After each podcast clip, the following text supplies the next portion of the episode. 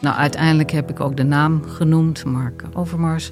En toen hebben we lang over gesproken. En toen zei ik, heb je dat nou zelf ook wel eens meegemaakt? Ja, ja, ook zelf meegemaakt. Heb jij ook wel eens van die dickpics ontvangen? Ook. Ja, dat vond ik toch wel heel heftig. Ben je benieuwd naar deze verhalen en wil je niets missen? Via podimo.nl slash gonzo luister je 30 dagen gratis naar Gonzo op Podimo. podimo.nl slash gonzo Je hoort mensen wel eens zeggen dat het boek beter was dan de film, maar wij van Boeken FM streven naar om de podcast beter te laten zijn dan het boek. Wij lezen de klassiekers die je nog niet gelezen hebt. We lezen de boeken die je heel graag wil lezen, maar waar je eigenlijk voor schaamt om in het publiek mee gezien te worden. We lezen de Libris-winnaars. eh, we praten over de Nobelprijslariaten. Allemaal zoals je een etentje hebt, dat je moeiteloos mee kan praten en dat het lijkt alsof je helemaal belezen bent. Wij zijn Ellen, Joost en Charlotte van Boeken FM en je kunt ons luisteren in je favoriete podcast-app. Hallo, welkom bij de wekelijkse podcast van de Groene Amsterdammer. Ik ben Kees van der Bos.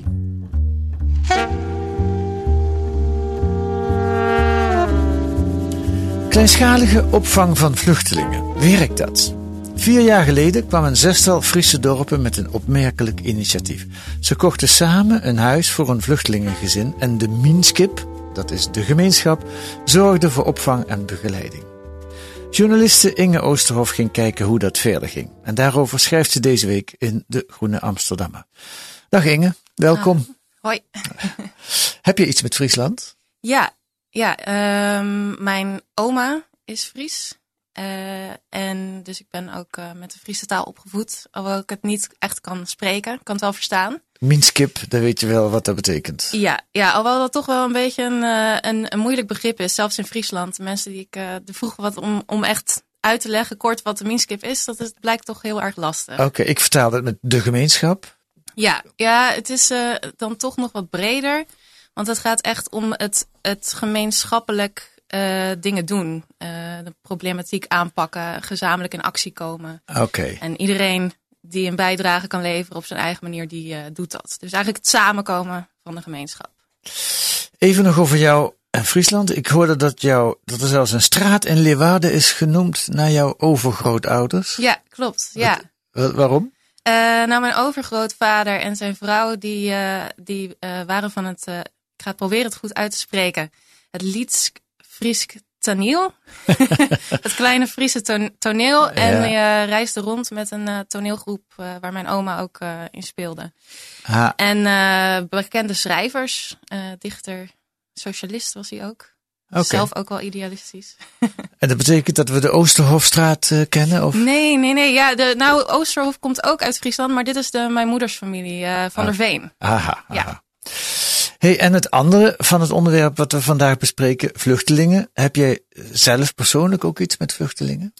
Ja, ik um, sowieso vind ik het wel een interessant, maar ook heel moeilijk onderwerp. Maar ik ben zelf, uh, doe ik mee aan een ja, hoe noem je dat? Een uh, connectors programma van Refugee Company in uh, Amsterdam. Dus En ik heb een. Je bent buddy. ja, ja, ik ben gematcht aan een meisje uit Eritrea die via Sudan naar Nederland is gekomen. Dus daar spreek ik af en toe mee af en uh, gaan we wat leuks doen. Ja. Oké, okay. hoe lang doe je dat al? Um, een jaar, denk ik. Iets langer dan een jaar. Oké. Okay. Ja. Um, hoe kwam je op het idee voor dit verhaal over de, de Friese dorpen die huizen kopen of huizen geschikt maken? De kerken spelen er ook een belangrijke rol bij ja. voor vluchtelingen. Ja, dat was eigenlijk toevallig. Uh, want uh, een van de beste vriendinnen van mijn moeder die woont in Jorwert. Een en, van de uh, zes dorpen. Een van die zes dorpen. De buurvrouw van Geert Mak is ze.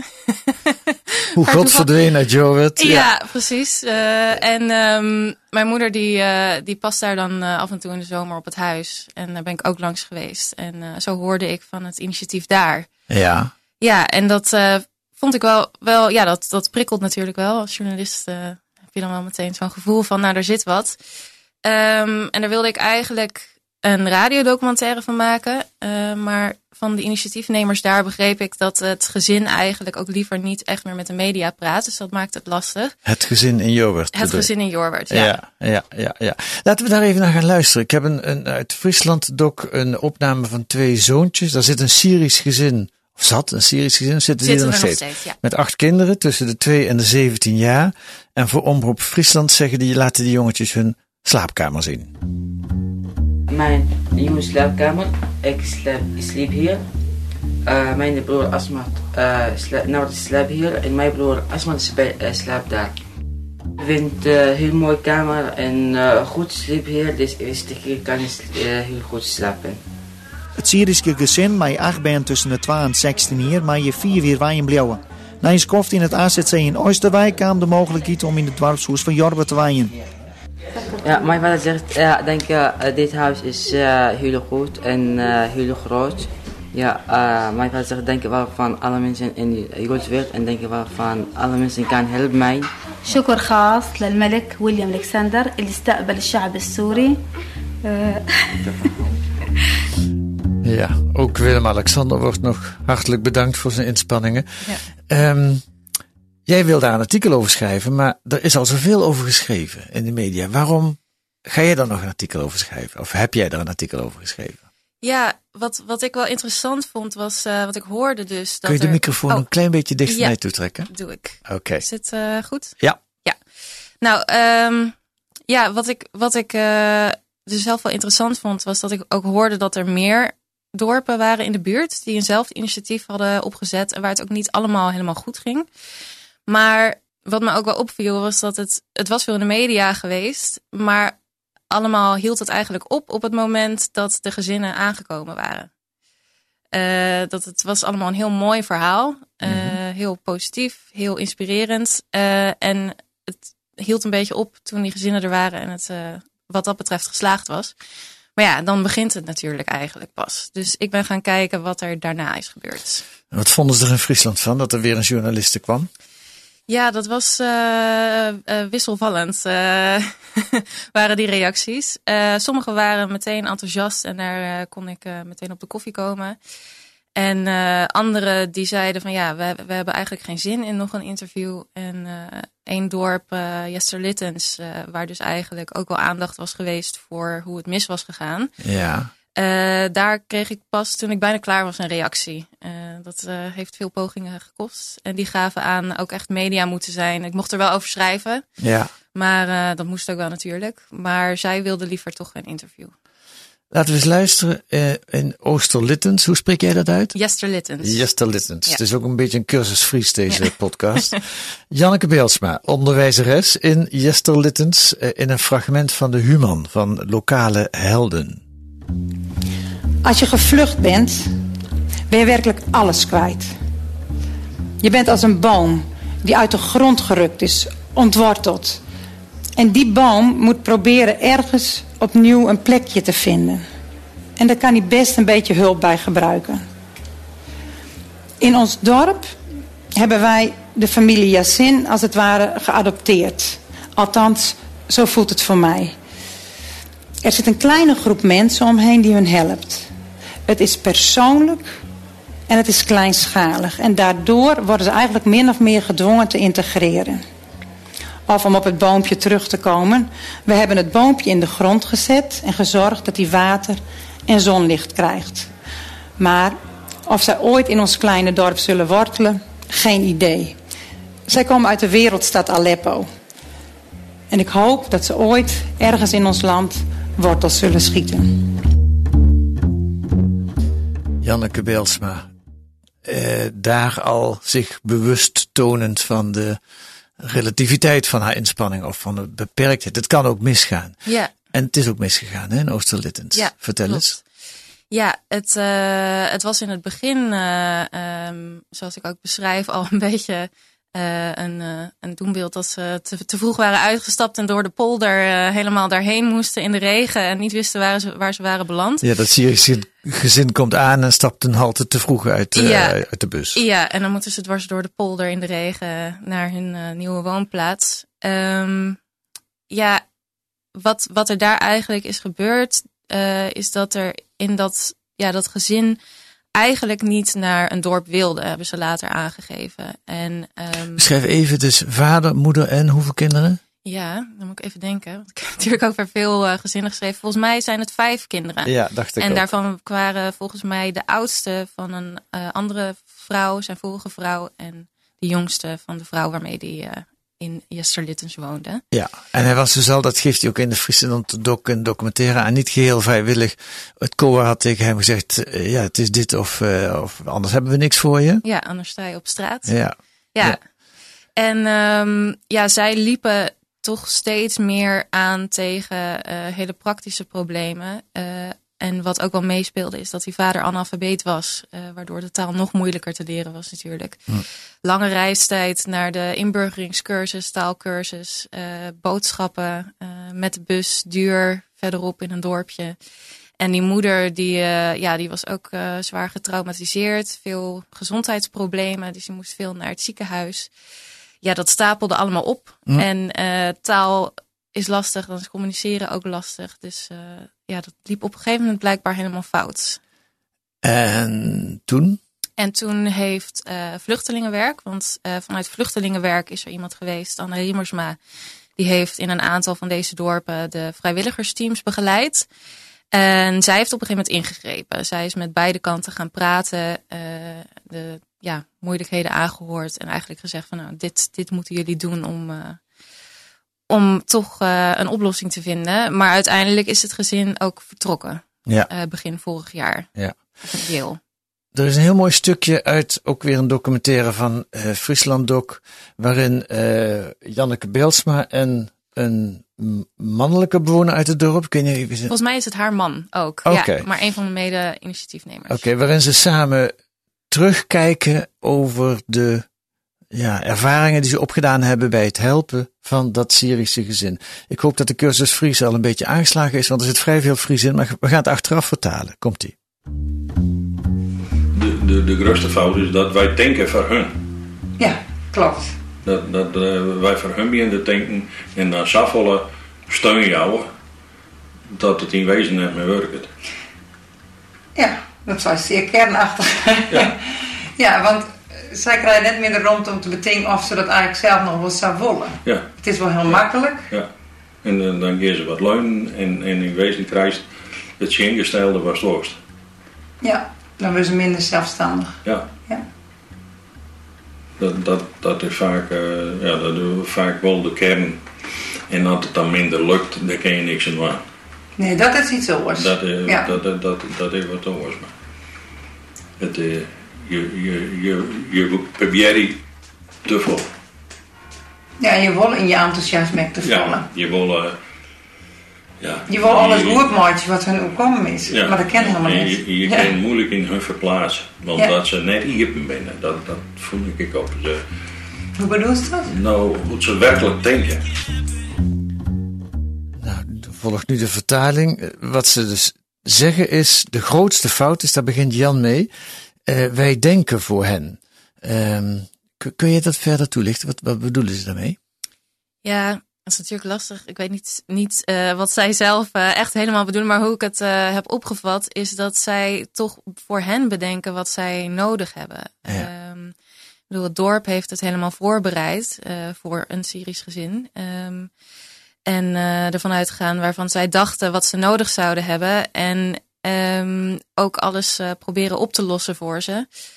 Terwijl eigenlijk niet helemaal duidelijk is wat het gezin zelf wil. Ja. Ja, ja. of je, nodig heeft. En dan zeggen ze ook, je gaat voor hun denken. Ja.